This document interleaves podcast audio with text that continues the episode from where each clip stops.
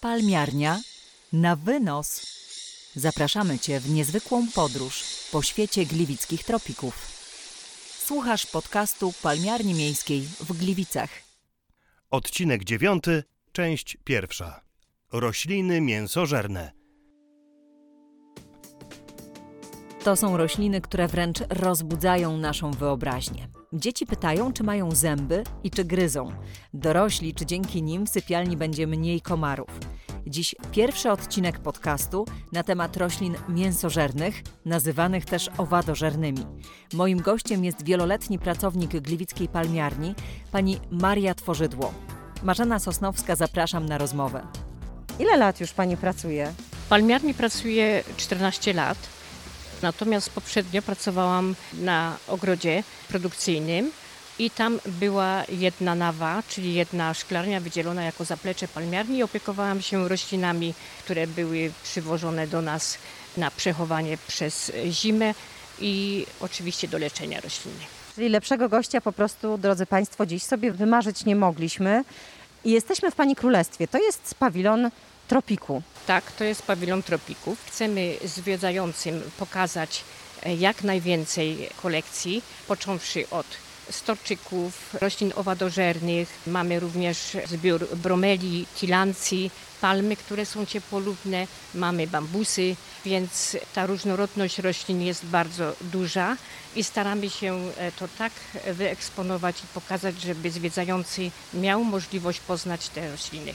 A nasi goście, myślę, że z widzenia Panią znają doskonale, bo Pani Marysia bardzo często właśnie dogląda storczyków i tutaj mi osobiście e, z tym się właśnie kojarzy. Storczyki i rośliny owadożerne. Tak, to jest moja y, pasja życiowa, storczyki i rośliny owadożerne. Jeżdżę bardzo dużo y, na wystawy międzynarodowe, zdobywam nowe y, odmiany, przywożę tutaj, żeby mieli zwiedzający jak największą możliwość poznania nowych odmian i to mnie cieszy, jeżeli zwracają na to uwagę zwiedzający, że jest ładnie i że jest nowa kolekcja. Wróćmy jeszcze do tego miejsca, w którym jesteśmy. Tutaj jest ciepło i czy właśnie takich e, warunków potrzebują te rośliny? Ciepło i wilgotno. Tak, rośliny owadożerne potrzebują wysokiej temperatury, potrzebują bardzo mocnego światła i oczywiście wilgotności. To są takie rośliny, które e, rosną na torfowiskach. Bagna są e, podmokłe tereny, więc mają bardzo słaby system korzeniowy, ale muszą mieć tą wilgotność wysoką, żeby utrzymać swój turgor. W pawilonie roślin tropikalnych, gdzie tych naszych roślin owadożernych szukać? Jak wchodzimy do e, pawilonu tropikalnego, z pawilonu użytkowego kierujemy się na prawo, idąc ścieżką obok mrówek. Przy bramie wyjściowej jest ładna kolekcja e, za szkłem, doświetlana. Mamy tak saracenie, rosiczki, mamy tłustosze i mamy dzbaneczniki. Czy jest tutaj roślina, która jest takim oczkiem w głowie Pani? Dla mnie najpiękniejszą rośliną e, jest saracenia flavia. Przepiękna, wysoka, dominuje tutaj w mojej kolekcji, jest najwyższa. Zajrzyjmy do naszej ekspozycji. Tutaj mamy bardzo różne kształty, bardzo różne kolory. Więc y, najbardziej popularne u nas rośliny obadożerne to jest saracenia, rosiczka, muchołówka i dzbaneczniki. E, mają one piękny wygląd, dają nam efekt taki dekoracyjny w mieszkaniu, a zarazem mamy też pożytek z nich, że łapią nam owady cała tajemnica w tych e, roślinach to jest, że e, mają e, tak zwane przynęty dla owadów. Przynęty polegają na tym, że mają taką lepką ciecz, na przykład rosiczki mają takie wypustki na listkach i na tym jest taka rosa. Ta rosa powoduje, że jak owad przyleci, przyklei się, już nie ma szans, żeby się odkleić i uciec. Saracenia ma takie trąby unoszące się w górę. W środku e, ma pektyny, które rozpuszczają tą e, ofiarę, która tam wpada i ma taki daszek. Każda saracenia ma nad sobą daszek. Ten daszek służy e, do tego, żeby w warunkach naturalnych na zewnątrz, kiedy pada deszcz, roślina dostaje sygnał, że ten deszcz będzie padał i ten daszek się zamyka, żeby nie napadało tam deszczu, żeby substancja, która jest tam do trawienia ofiary, nie była za mocno rozcieńczona. Czasami jak usuwam przekwitnięte, dojrzałe te trąby, to ku zdziwieniu w tych trąbach jest prawie do połowy resztek owadów. Czyli e, jednak e, te rośliny są aktywne i dobrze wabią te swoje ofiary. Muchołówki.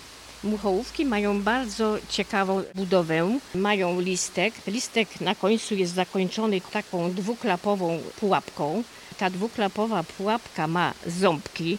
Kiedy ofiara siądzie w tej pułapce, podrażni nogami miejsca, gdzie są czułe i ta pułapka się zamyka. Zamyka się tak, że te ząbki zakleszczają się, tworząc taką kratę, żeby ta ofiara nie uciekła. Kiedy się zamknie ta e, pułapka, po prostu ta ofiara jest trawiona. Nie drażnimy sami tej pułapki, żeby się zamykała i otwierała, ponieważ roślina zużywa dużo energii w tym czasie. Jest ona osłabiona wtedy i niepotrzebnie tą e, energię e, zużywa tą, ta roślina, więc raczej się nie bawimy takimi pułapkami. Dzbanecznik. Dzbanecznik jest ciepłolubny. Bardzo dużo mamy odmian dzbaneczników. Dzbaneczniki dorastają do wysokości nawet 2-3 metrów w niektórych warunkach naturalnych. U nas też mamy dosyć e, wysokie dzbaneczniki prowadzone na podpórkach. Pierwsze dzbanki od dołu są bardzo duże, są ładnie wybarwione, każde następne są drobniejsze. Naprawdę dzbaneczniki się nazywają dlatego, że mają te pułapki w formie dzbanka i też z klapką. W dzbanecznikach znajdują się enzymy, które powodują trawienie ofiary. Dzbanki w naturalnych warunkach sięgają nawet 40 cm długości, zależy od odmiany, ale są takie e, dzbanki i pojemność takiego dzbanka to jest nawet 3,5 litra, gdzie samych e, enzymów, czyli tego roztworu w dzbankach jest około 2,5 litra. Więc ofiara, która tam wpada, może być duża. Zdarza się, że niektóre ssaki wpadają tam jak szczury, e, jakieś wiewiórki i wtedy ten dzbanek sobie poradzi, żeby taką ofiarę strawić. Ofiara, która wpada tam, nie ma szans na wyjście, ponieważ od razu jest paraliżowana i ona jest już osłabiona i zostają tylko resztki z tej ofiary, e, tak zwana chityna. Mamy jeszcze e, w naszej palmiarni rośliny owadożerne zwane tłustosze.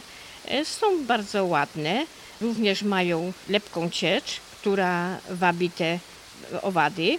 Tłustosze są różnej, różnych kształtów, różne kształty mają liści, wybarwienie, zależy od światła, ponieważ e, wszystkie rośliny owadożerne potrzebują dużo, dużo nasłonecznienia, dużo światła. Tłustoszy nie możemy wystawiać na zewnątrz, ponieważ słońce by mogło poparzyć ich liście. Jeżeli chcemy trzymać na zewnątrz przez lato, to musimy wybrać półcień, żeby nie było bezpośredniej operacji słonecznej. Natomiast rosiczki, muchołówki, saracenie bardzo lubią mocne natężenie światła, taką bezpośrednią operację słoneczną, ale też musimy uważać, żeby nie wystawić z mieszkania bezpośrednio na słońce, tylko stopniowo je przyzwyczajać do słońca, czyli co jakiś czas to natężenie światła im zwiększać, żeby ich przyzwyczaić do operacji słonecznej. Im bardziej słońce świeci, bardziej jest nasłonecznione miejsce, tym bardziej są wybarwione. Barwy mają przepiękne, w takim kolorze czerwono-rudym i to wabi właśnie owady, bo owady lubią kolor, lubią jak jest coś kolorowego. Dzbaneczniki, rosiczki mają te pułapki, które się zamykają. A w jaki sposób tłustosz atakuje swoją ofiarę? Ma taką lepką ciecz na swojej powierzchni liścia i do tego liścia się przykleja ofiara. Tłustosze przeważnie łapią bardzo małe ofiary typu muszki, owocówki, małe muszki, bo nie są w stanie utrzymać większej ofiary. Nasze tłustosze kwitną. Czy może dzbaneczniki i rosiczki też kwitną? Tak, dzbaneczniki kwitną, e, rosiczki kwitną, dzbaneczniki kwitną też przepięknie. U nas zakwitły dzbaneczniki, ale dzbanecznik jest rośliną e, dwupienną, czyli nie, jest, e, nie może się zapylić sam. Musi być zapylony pyłkiem z innej rośliny. Więc raczej nie rozmnażamy dzbaneczników z nasion, tylko z sadzonek. Wtedy dziedziczą dobrze swoje cechy matki. Spaneczniki mają przepiękny kwiat, taki długi kłos. Rosiczki mają też przepiękne kwiaty. Saracenie również. Te rośliny wszystkie u nas zakwitły i kwitną. Ja usuwam częściowo te kwiatostany, żeby nie osłabiać roślin. Niektórym egzemplarzom pozwalam zakwitnąć, żeby zwiedzający mogli zobaczyć, jak wygląda kwiat roślin owadożernych. To są rośliny, które rozpalają wyobraźnię przez tą swoją mięsożerność. Już rozmawiałyśmy o tym, że zjadają owady, że, że komary. Jak te rośliny funkcjonują i co jedzą?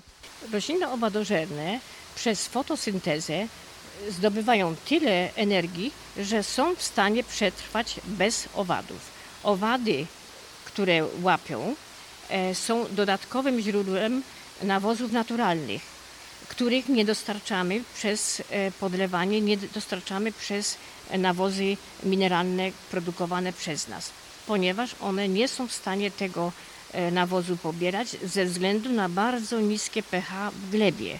I dlatego natura ich tak wykształciła, że uzupełniają sobie te związki mineralne przez łapanie właśnie tych e, ofiar. I tak natura ich wytworzyła, stworzyła, że mają te przynęty, mają te pułapki i w taki sposób łapią te owady. Potężne dzbaneczniki potrafią upolować nawet małe ssaki. Tak, dzbaneczniki potrafią upolować małe ssaki i również je strawią. To zależy od wielkości pułapki, bo na przykład rosiczka ma bardzo małe te pułapki do łapania, więc dlatego łapie tylko owocówki, muszki małe, komary. Muchołówka łapie już większe nasze domowe muchy, bo się tam zmieszczą. Natomiast jeżeli jest ofiara za duża, to roślina się tak męczy, że potrafi osłabić swoją energię i ten listek zamiera. Gdzie te e, rośliny występują w naturze?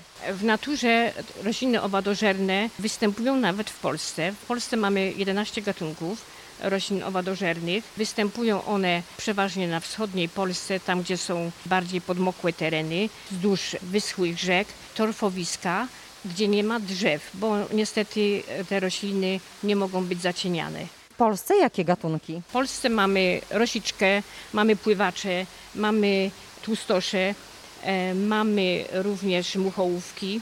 Do muchołówki nie zawsze przezimują nasze warunki, ale są miejsca, gdzie one jednak są. Już dziś zapraszam na kolejny odcinek podcastu, który będzie kontynuacją dzisiejszego tematu. Pani Maria podzieli się z nami swoją wiedzą i doświadczeniem, a my usłyszymy bardzo wiele wskazówek na temat uprawy roślin owadożernych w domu. A na stronie www.mzuk.pl zobaczycie zdjęcia naszej kolekcji. Zapraszam. Słuchałeś podcastu Palmiarni Miejskiej w Gliwicach. Więcej na www.mzuk.pl